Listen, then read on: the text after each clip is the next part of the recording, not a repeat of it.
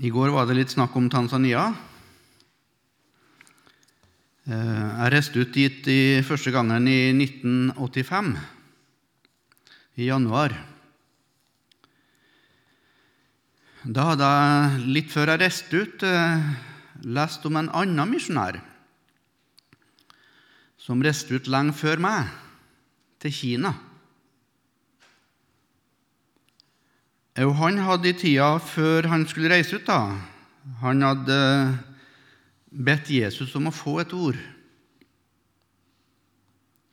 Jeg tror du forstår hva det betyr. Fra ACS så har vi jo fått så mange ord. Vi har fått 66 bøker. Alt er gitt oss fra Jesus. Men likevel, når vi bruker uttrykket 'å få et ord', det er når du på en spesiell måte, i en spesiell situasjon, eh, opplever at eh, et vers fra Guds ord taler mektig inn i din situasjon. Eh, da, da bruker noen akkurat det uttrykket der. Og han her ba om å få et ord på den måten. Og han fikk et ord. Han fikk ordet fra Salme 121. Han skal bevare din utgang og din inngang fra nå av og til evig tid. Og det syntes han var et veldig godt ord å få. Herren ville være der og velsigne og bevare hans utgang fra gamlelandet, fra fedrelandet, fra vennekrets, fra familie, fra alt som var kjent og kjært. Utgangen er ikke så lett, den. Men ikke bare det. Herren ville være der og velsigne og bevare også hans inngang. En inngang til en fremmed kultur, et vanskelig språk, inn i ei helt ny tjeneste. Og Asbjørn Aavik knela ned og takka himmelens Gud. Jeg satt på flyet fra London til Nairobi, jeg òg, og ba om å få et ord. Jeg syns jeg trengte det. Men eh, jeg fikk ikke noe ord. Jeg landa i Nairobi sent om kvelden og ble tatt imot av noen jeg hadde gått Fjellhaug sammen med, som reiste ut før meg. Ble kjørt til den norske skolen og fikk kveldsmat og og så var det tid for å gå til ro. Jeg ble liggende mange timer før jeg sovna. Kanskje var det at jeg var oppstemt over endelig å komme til det kontinentet jeg tenkte på i så mange år. Kanskje var kaffen litt for sterk, det var den som holdt meg våken. Kanskje var det gresshoppene og sirissene som sang så høyt at jeg ikke fikk sove. Kanskje var det en kombinasjon av alt det der. Men eh, det var først utpå morgenskvisten jeg sovna. Men før jeg sovna, da, da fikk jeg et ord. Da hadde jeg på en måte gitt opp å få et ord, for jeg så for meg at jeg skulle få det idet jeg kom inn over Afrika da, i fly. Det var sånn jeg så for meg det skulle skje. Men der i Afrikanatta, da kom det et ord. Og det skal vi lese sammen fra 1. Peters brev, kapittel 2 og vers 21. 1. Peter 2, vers 21.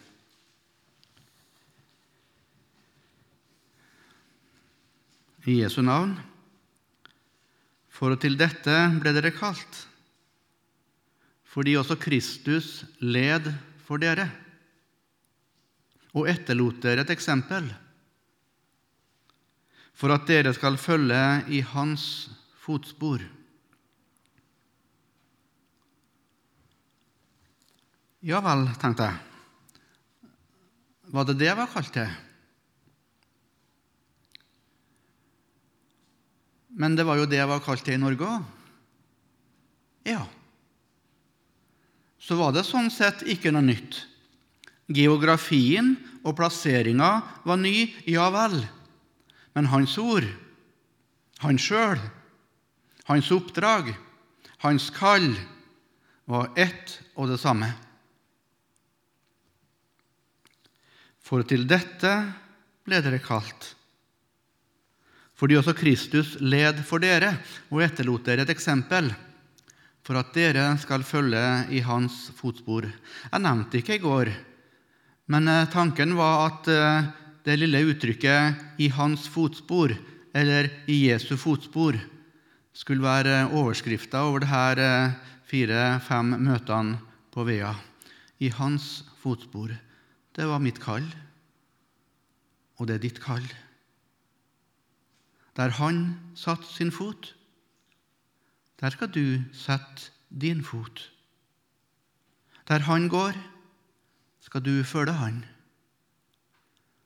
Der han ikke går, der trenger ikke du å gå heller. Og der han advarer mot å gå inn, der skal du holde din fot ifra. I Jesu fotspor. I går så prøvde vi å følge Jesu fotspor opp til Jerusalem, opp til Golgata.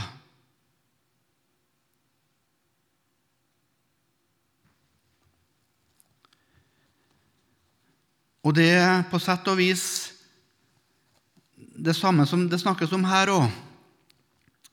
Men her snakkes det ikke om Jesu lidelse.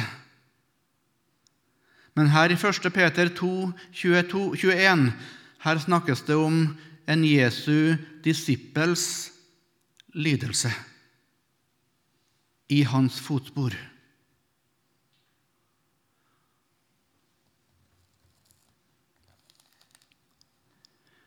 Jeg kjenner ikke deg.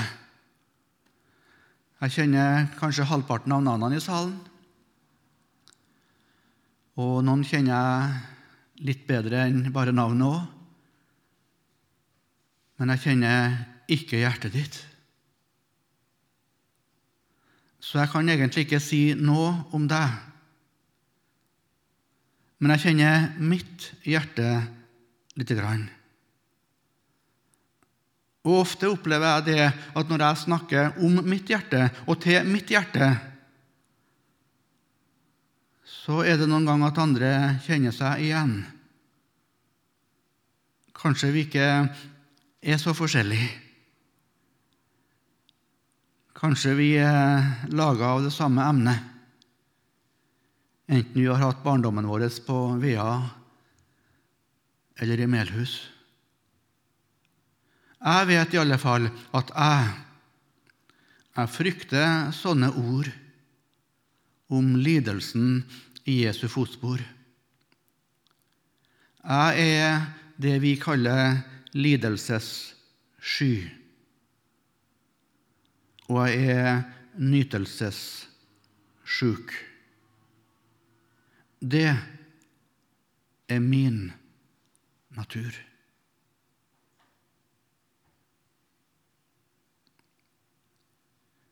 Men eh, det var mitt kall, da. Det var å følge i hans fotspor.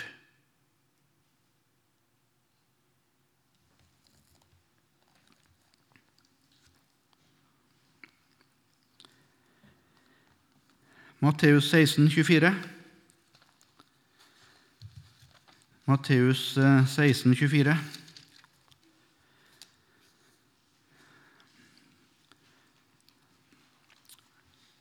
Da sa Jesus til sine disipler.: Om noen vil komme etter meg, vil du komme etter han? Vil du det, Kristian?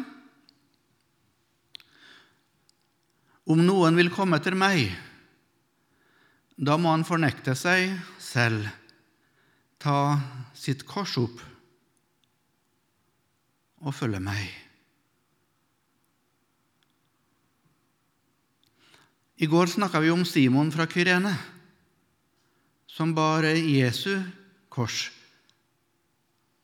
Det var et engangstilfelle. Det skal aldri skje igjen i verdenshistoria. Du skal ikke bære Jesu kors. Jeg skal ikke gjøre det. Det er båret helt fram og det verket er fullkomment gjort, og det er fullbrakt. Men eh, du skal bære ditt kors, og jeg skal bære mitt kors. Det står fast.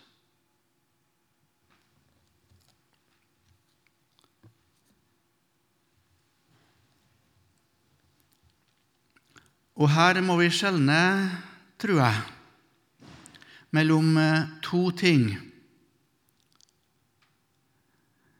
Vi snakker om en eh, ytre lidelse fordi det er to riker. Og så snakker vi om en indre lidelse fordi det er to naturer. Fikk du med det? En ytre lidelse fordi det er to riker her i verden. De er i strid med hverandre. De kan aldri forenes. De er så forskjellige som ild og vann. De to lederne i disse to rikene det er ikke noe håp om eh, forsoning. Derfor er det heller ikke noe vits i noen fredsforhandlinger. En ytre kamp som du automatisk vil bli dratt inn i hvis du vil følge Jesus. Og så er det den indre kampen, fordi det i enhver gjenfødt kristen er to naturer. De kan heller ikke forenes. De strir mot hverandre. De ligger i uopphørlig krig. De kjemper om deg. De kjemper om overtaket i deg. En indre kamp, en ytre kamp. De glir delvis over i hverandre, de her toene. Jeg tror det er likevel veldig viktig at vi skjelner mellom dem. Og I dag skal vi den, la den indre kampen mellom ånd og kjød den skal vi på en måte legge litt til side. Og så skal vi snakke om den ytre kampen, den ytre lidelsen, smerten, forfølgelsen. Det er en del av det som Jesus her i Matteus 16, 24 kaller for mitt kors. Det står i en gammel sang ingen kan en kristen være uten lidelse på jord. Alle må sitt kors her bære. Det står skrevet i Guds ord. Hvetekornets vei i jord. Samme lov for eh, den som tror. Ja, sier du, men eh, det er jo ikke forfølgelse i vårt land. Ja Er det ikke det?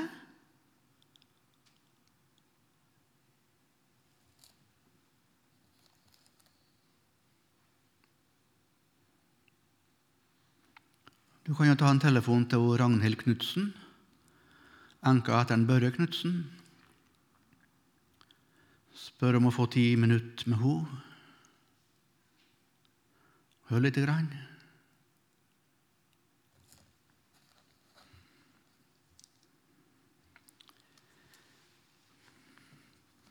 Og så kan du etterpå lese 2. Timoteus 3,12.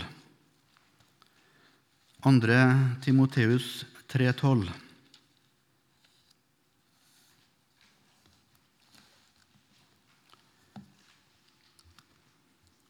Der står det 'og alle'.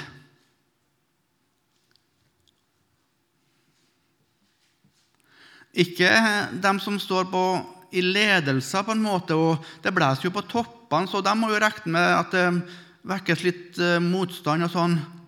Nei, det er ikke det Jesus sier. Alle. Alle hvem? Alle som vil leve gudfryktig i Kristus Jesus, skal bli forfulgt. Jeg spør igjen er det forfølgelse i Norge.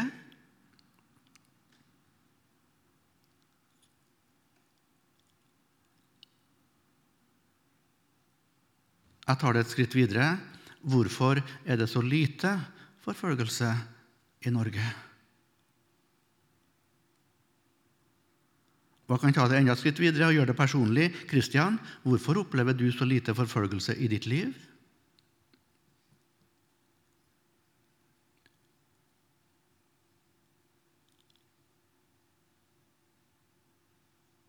Kan det være noe med at eh, du ikke lever gudfryktig i Kristus Jesus?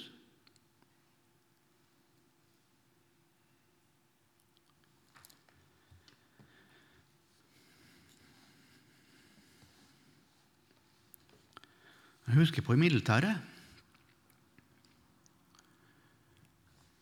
Der hadde vi en, der hadde vi en perm i bokhylla på hvert rom. Den kaltes for SO. Alle overskrifter blir jo forkorta i militæret. SO. Stående ordre.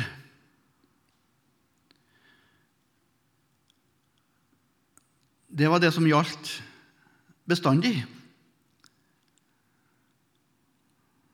Hvis ikke annen beskjed var gitt, så gjaldt SO. Og der sto det at alle skulle stå opp klokka seks. Du kunne, kunne ikke unnskylde deg med det en morgen. at ja, men 'Ingen har sagt til meg i dag at jeg skulle stå opp klokka seks.' Jo, kunne befalet si da, for det står i SO. Det står der.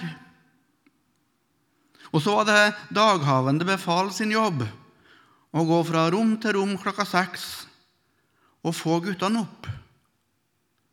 For det var romorden, det var frokost, og det var oppstilling. Det var, vi trengte tida. Og hans oppdrag var å få guttene ut av senga. Det var seksmannsrom. Daghavende befal skulle ikke gå, av, gå ut av rommet før det sto tolv føtter i sementgulvet. Det var ikke nok at han bare ropa inn, altså. 'Folkens, gutta, er de våken?' Og så fikk han seks grunn til svar, og så gikk han videre. Nei, da hadde han ikke gjort oppgaven sin. Hans oppgave var å vekke og få folket på fotene. Skal jeg si deg noe? De av sersjantene som tok det lettvint med sin vekkeroppgave, og bare gikk videre hvis han fikk seks grunn til svar. De sersjantene ble veldig, veldig populære. Nei, det var greie folk, ja. Der han gikk det an å snakke med. Dem som tok alvor, oppgaven alvorlig og ikke gikk ut av rommet før alle var opp, vet du, de ble hata. De ble hata.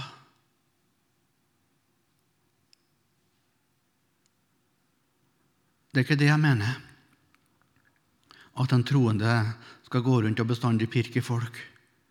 Nei, Gud bevare oss ifra det. Men når en troende lever i lyset med sitt liv, i sannheten med sitt liv, i etterfølgelsen med sitt liv, i gudfryktighet, i truskap mot Jesus og Hans ord, da vil det egges til motstand og til forfølgelse. Bare prøv, du òg. Prøv å skrive et lite innlegg imot pride-ideologien i lokalavisa.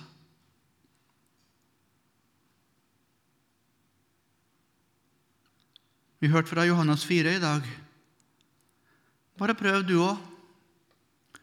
Hvis det åpner seg ei dør, og si det Jesus sa.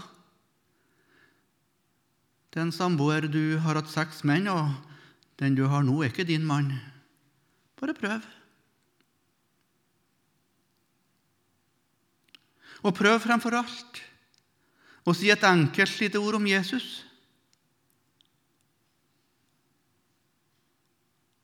om Golgata, om syndenes forlatelse. Jeg liker å snakke med mennesker. Jeg liksom gleder meg til hver valgkamp. Jeg, jeg kan kjøre langt jeg, for å komme på en stand og snakke med dem som er politisk uenige med meg. om abortlov og, og friskolelov og, og, og alle disse spørsmålene som ligger i skjæringspunktet mellom kristendom og politikk. Det koster meg ingenting. Jeg syns det er artig. Men eh, jeg merker at eh, hvis det åpner seg en samtale der vi nærmer oss sentrum i den kristne tro, med Jesus fra Nasaret, og det personlige, inn til kjernen, inn mot forsoninga, da merker jeg en motstand, en dårskap. Og jeg merker liksom at eh, nå nå tråkker jeg mennesker litt for nære etter deres tanker og mål Enhver som vil leve gudfryktig i Kristus Jesus, skal bli forfulgt. Og så merker jeg fristelsen til å måte tone ned anstøtet. Og så blir det så viktig for meg at alle liker meg, da. Jeg liker helst at uh, når kvelden kommer, så kan alle si det. Ja, det der var en, en grei kar. Det betyr mye for meg. Og så er jeg redd for at jeg har uh, ofte ikke løfta fram det som jeg skulle ha løfta fram, der det var åpning for det. Hva sier Jesus i Lukas 6, 26? Lukas 6, 26.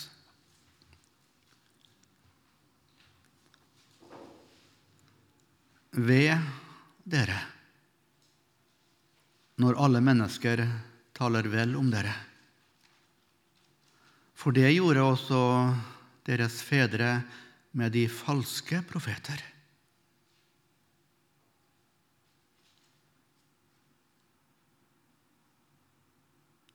Jeg kjenner på at dette ordet rammer meg i ikke liten grad. I møte med min bror, i møte med min nabo, i møte med mange som jeg snakker med om mange ting, så er det så viktig at de tar det vel om meg.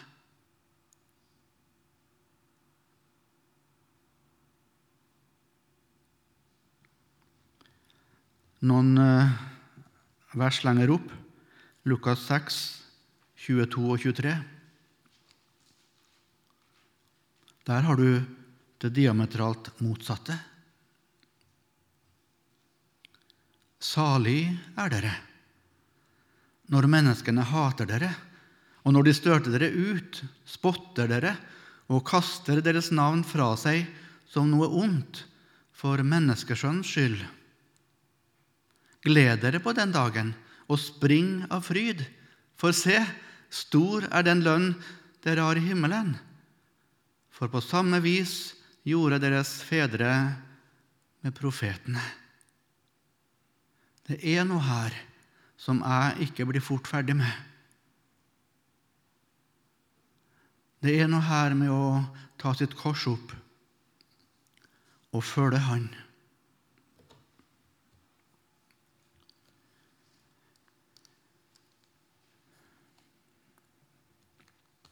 For det har med vandringa i hans fotspor å gjøre. Det blir mange bibelord i dag. Vi skal lese fra Matteus 10, vers 24, og første delen av vers 25. Matteus 10, 24 og 25. En disippel står ikke over sin mester. Heller ikke står en tjener over sin herre. Det er nok for disippelen at han blir som sin mester. og det er nok for tjeneren å bli som sin herre.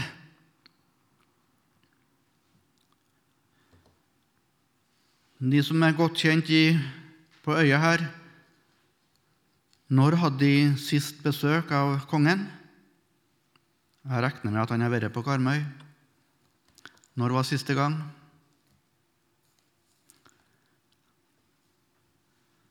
Det er ikke så viktig om vi husker årstallet eller ikke, men jeg har sikkert vært her. Tenk deg at eh, kong Harald har kommet nå i helga.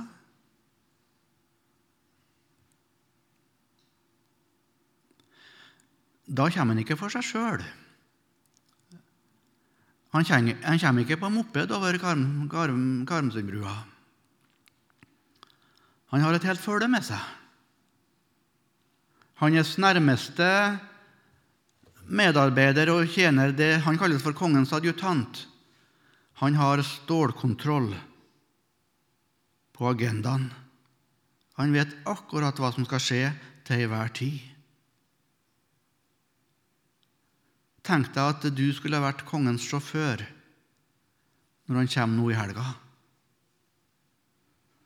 Da eh, tror jeg nok du har eh, pussa skoene og sjekka at eh, skjorta var nyvaska og nystrøket. Kanskje du har fått uniform òg, jeg vet ikke helt. Men du skulle være hans sjåfør. Du skulle være standby under hele dagen. På det minste vink så skulle du ha bilen klar og ren. Hva besøker en hel dag? Og var du kongens sjåfør for hele den dagen, da eh, tror jeg du òg har fått deg noe mat underveis. Men det er ikke sikkert at du har fått sitte i lag med kongen og ordføreren, der hvitduken var på bordet, og sølvtøyet og, og, og krystallglassene og, og, hele pakken der. Som sagt, jeg tror du har fått mat. Men kanskje litt enklere oppdekning enn kongen. Det er tross alt forskjell på kong Salomo og Jørgen Hattemaker, også i våre sosialdemokratiske nordiske land.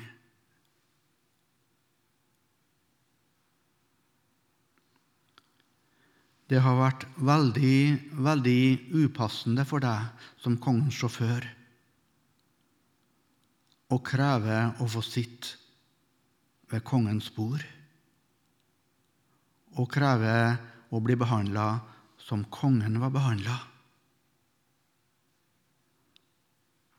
Og i alle fall hvis du har krevd bedre behandling enn kong Harald. Da tror jeg ikke du har blitt gammel i jobben.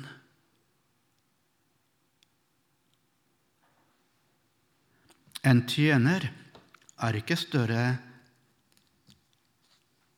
enn sin herre. Og en disippel står ikke over sin mester.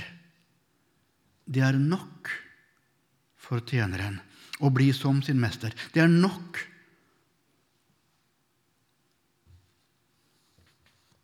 For tjeneren å bli som sin herre. Det er jo mer enn nok. Det er nåde over nåde, det, hvis den blir løfta opp til det nivået der kongen og Herren og Mesteren er. Se på Jesu liv. Se hvordan han ble behandla. Se hvordan verden tok imot han. Vi synger i julesalmen 'Velkommen fra din himmelsal' til denne verdens tåredal, hvor man deg intet annet bød enn stall og krybbe, kors og død. En gang sa Jesus til sine disipler, 'Revene har hi, fuglene under himmelen har reir.' Men menneskesønnen har ikke det han kan helle sitt hode til. Tenk det, da. Han som var universets herre. Han som alt var skapt av og for og til. Han var i sitt jordeliv lavere stilt enn rev og ravn.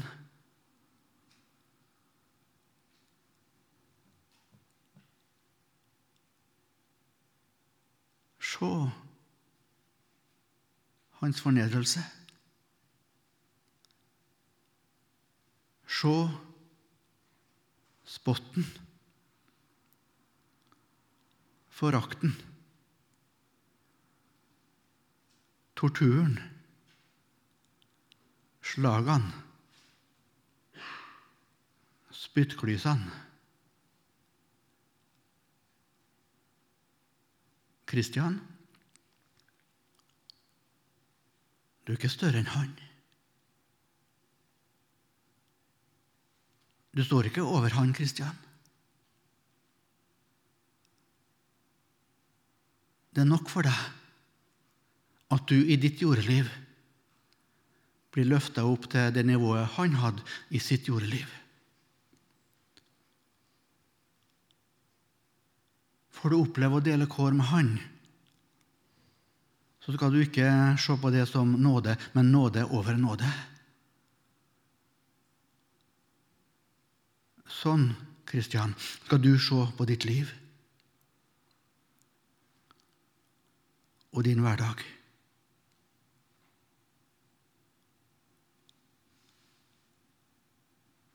Er du der? Jeg er liksom ikke der. Men det er noen ord her som står, og som jeg tror vi skal la stå.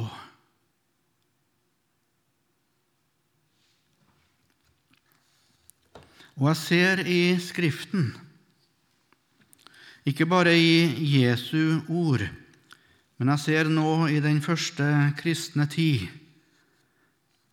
og jeg ser det i apostlene sin brevlitteratur. Skal vi lese noen eksempel? Apostelgjerningene 5, 40 og 41. Apostelgjerningene 5, 40 og 41. Her er det apostlene som blir fengsla, og så stilles de for det høye råd. Apostelgjerningene 5, 40 og 41. Så leser vi de to versene. De hørte på hans råd. Så kalte de apostlene inn igjen, og så kommer det, og lot dem hudstryke. Det var det vi snakka om i går. Har det gått uh, måneder her, eller har det gått et år? Vi ser noen i Jesu fotspor, i alle fall. Og vi ser eh, For til dette ble dere kalt.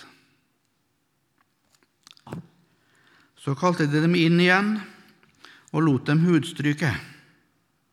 De befalte dem at de ikke skulle tale i Jesu navn, og så lot de dem gå. Jeg vet at hadde jeg fått den der behandlinga, så hadde jeg gått ut og knytta mine never.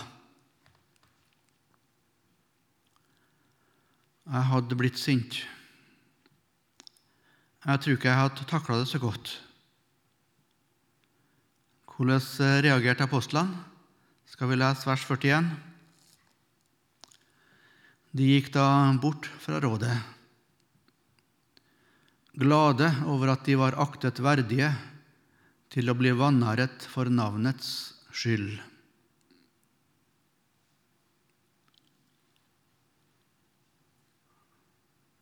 Hørte du hva det sto?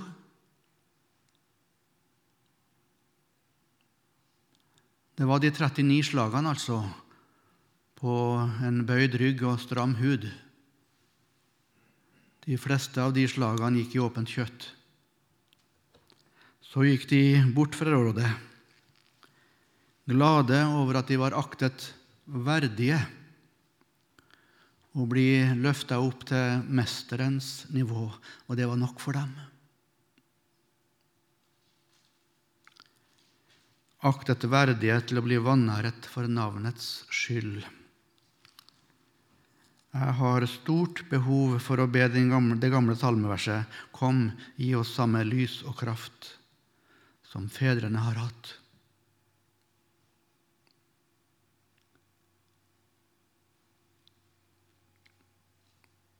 Jeg gjentar jeg er lidelsessky og nytelsessjuk.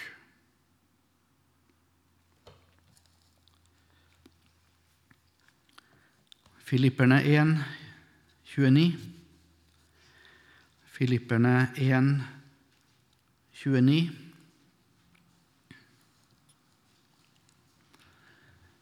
i det dere har fått en nåde, ikke bare å tro på Kristus, men også å lide for ham.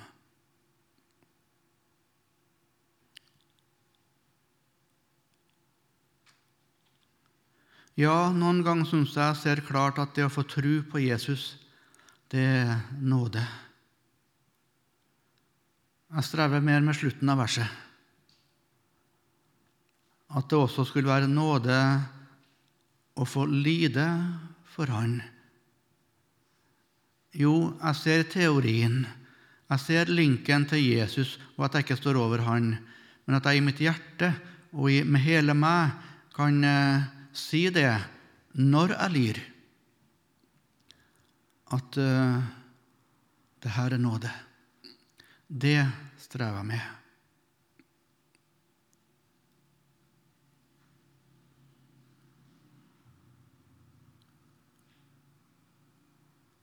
Jesus snakka om eh, hvetekornet som må i jorda. Det må dø. Hvis hvetekornet ikke dør, så, så, så, blir det ikke noe frukt. Det blir bare det ene kornet. Og oppbevares det tørt, så, så, kan det bevares i mange hundre år, det. Men det blir bare ett, da. Det blir ikke noe mer.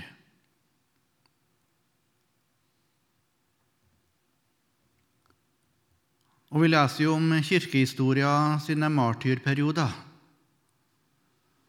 Og vi eh, syns jo det er veldig fint å, å, lese det som står at eh, martyrenes blod ble kirkens utsæd. Det spirer nå når blodet flyter.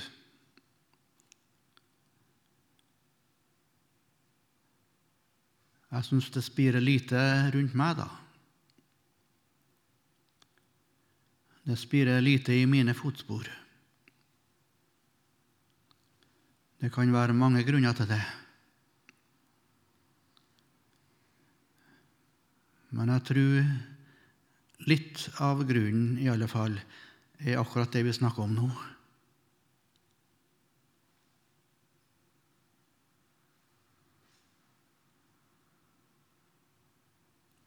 Det er ikke mange ting som eh, gjør at verden Det er ikke mange ting som er så virksomt i at verden skal begynne å undre seg og bli nysgjerrig på den kristne tro. Det at eh, kristne lir med Jesus sinnelag.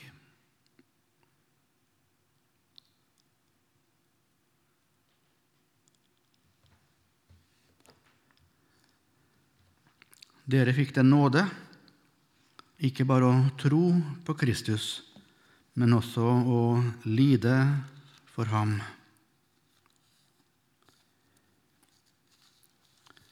Og så siste bibelhenvisninga i dag, tror jeg. 1. Peter 4, 12 og 13. 1. Peter 4, 12 og 13.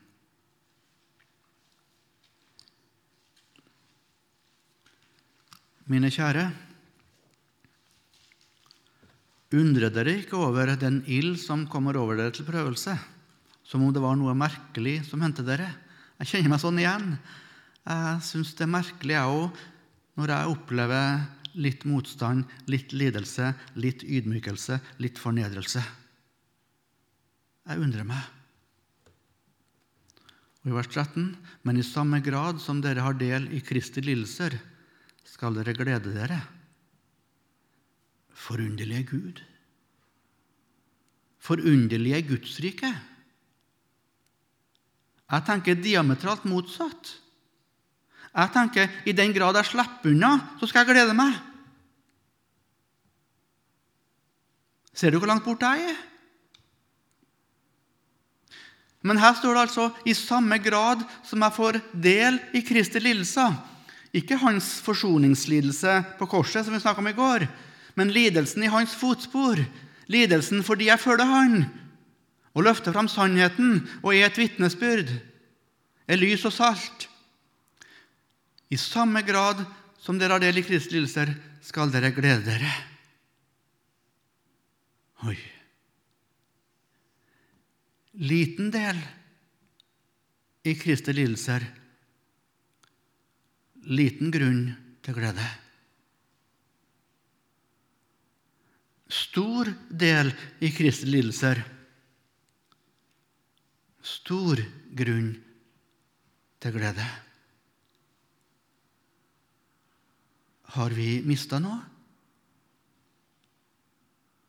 Kanskje vi har mista det som står i siste halvdelen av verset her, for at dere også kan juble i glede når Hans herlighet blir åpenbart. Lengselen etter utfrielse. Lengselen etter løfteslandet. Lengselen etter at striden skal bli slutt. Kanskje den ikke er så sterk hos oss, for vi opplever ikke lidelsen. Vi har skygga unna.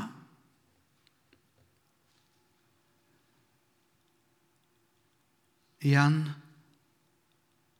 jeg må snakke til mitt eget hjerte. Jeg har en lang, lang vei å gå.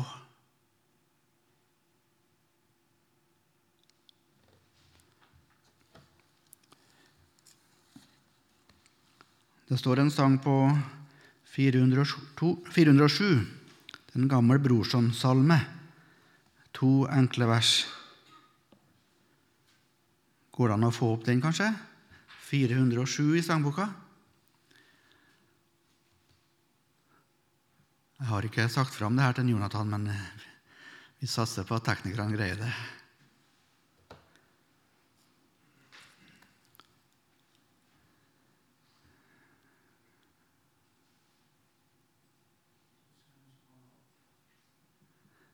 Det står 'Korset vil jeg aldri svike', som så salig bliver endt. Skulle jeg en kristen være, uten Kristi kors å bære? Jesus har dog i sitt rike den disippel aldri kjent. Korset vil jeg aldri svike, som så salig bliver endt. Og vers 2.: På de mørke ørkenganger følger siden løftets land. Ser du hvordan fedrene og Skriften snakker om korset først, og så kronen? Det er i samme setning. De snakker om lidelsen så konkret. Men så får de liksom ikke fort nok trøsta seg sjøl med at det kommer en dag. På de mørke ørkenganger følger siden løftets land. Har vi trengsel alle veiene, er det kun for litt å regne mot de klare frydesanger i fullkommenhetens stand. På de mørke ørkenganger følger siden løftets land. Jeg siterte en gammel sang. Nå skal jeg sitere begge versene i sammenheng. De har, det er under overskrifta 'Først korset, så kronen'.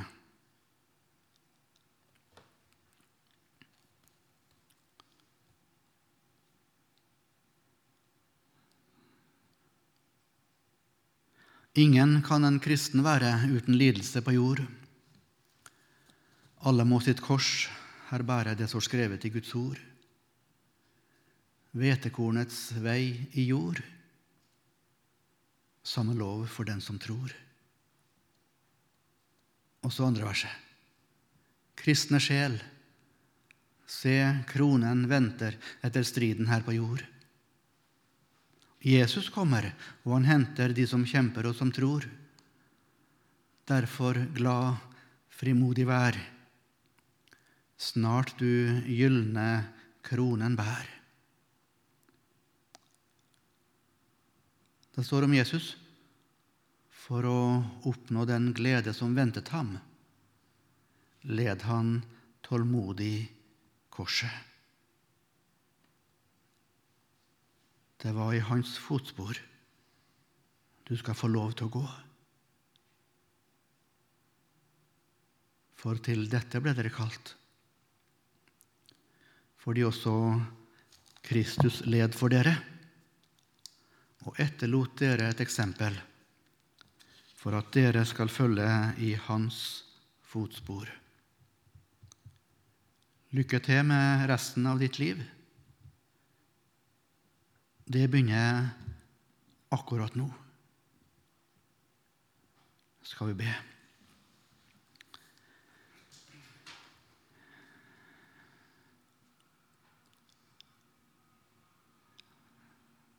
Kjære Jesus. I møte med det radikale i ditt ord så får vi mye å snakke med deg om.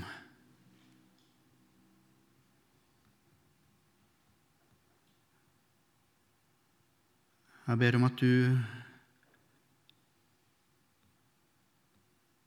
må få din vei og vilje med oss alle sammen. Deg til ære og til gagn for oss og dem rundt oss. Amen.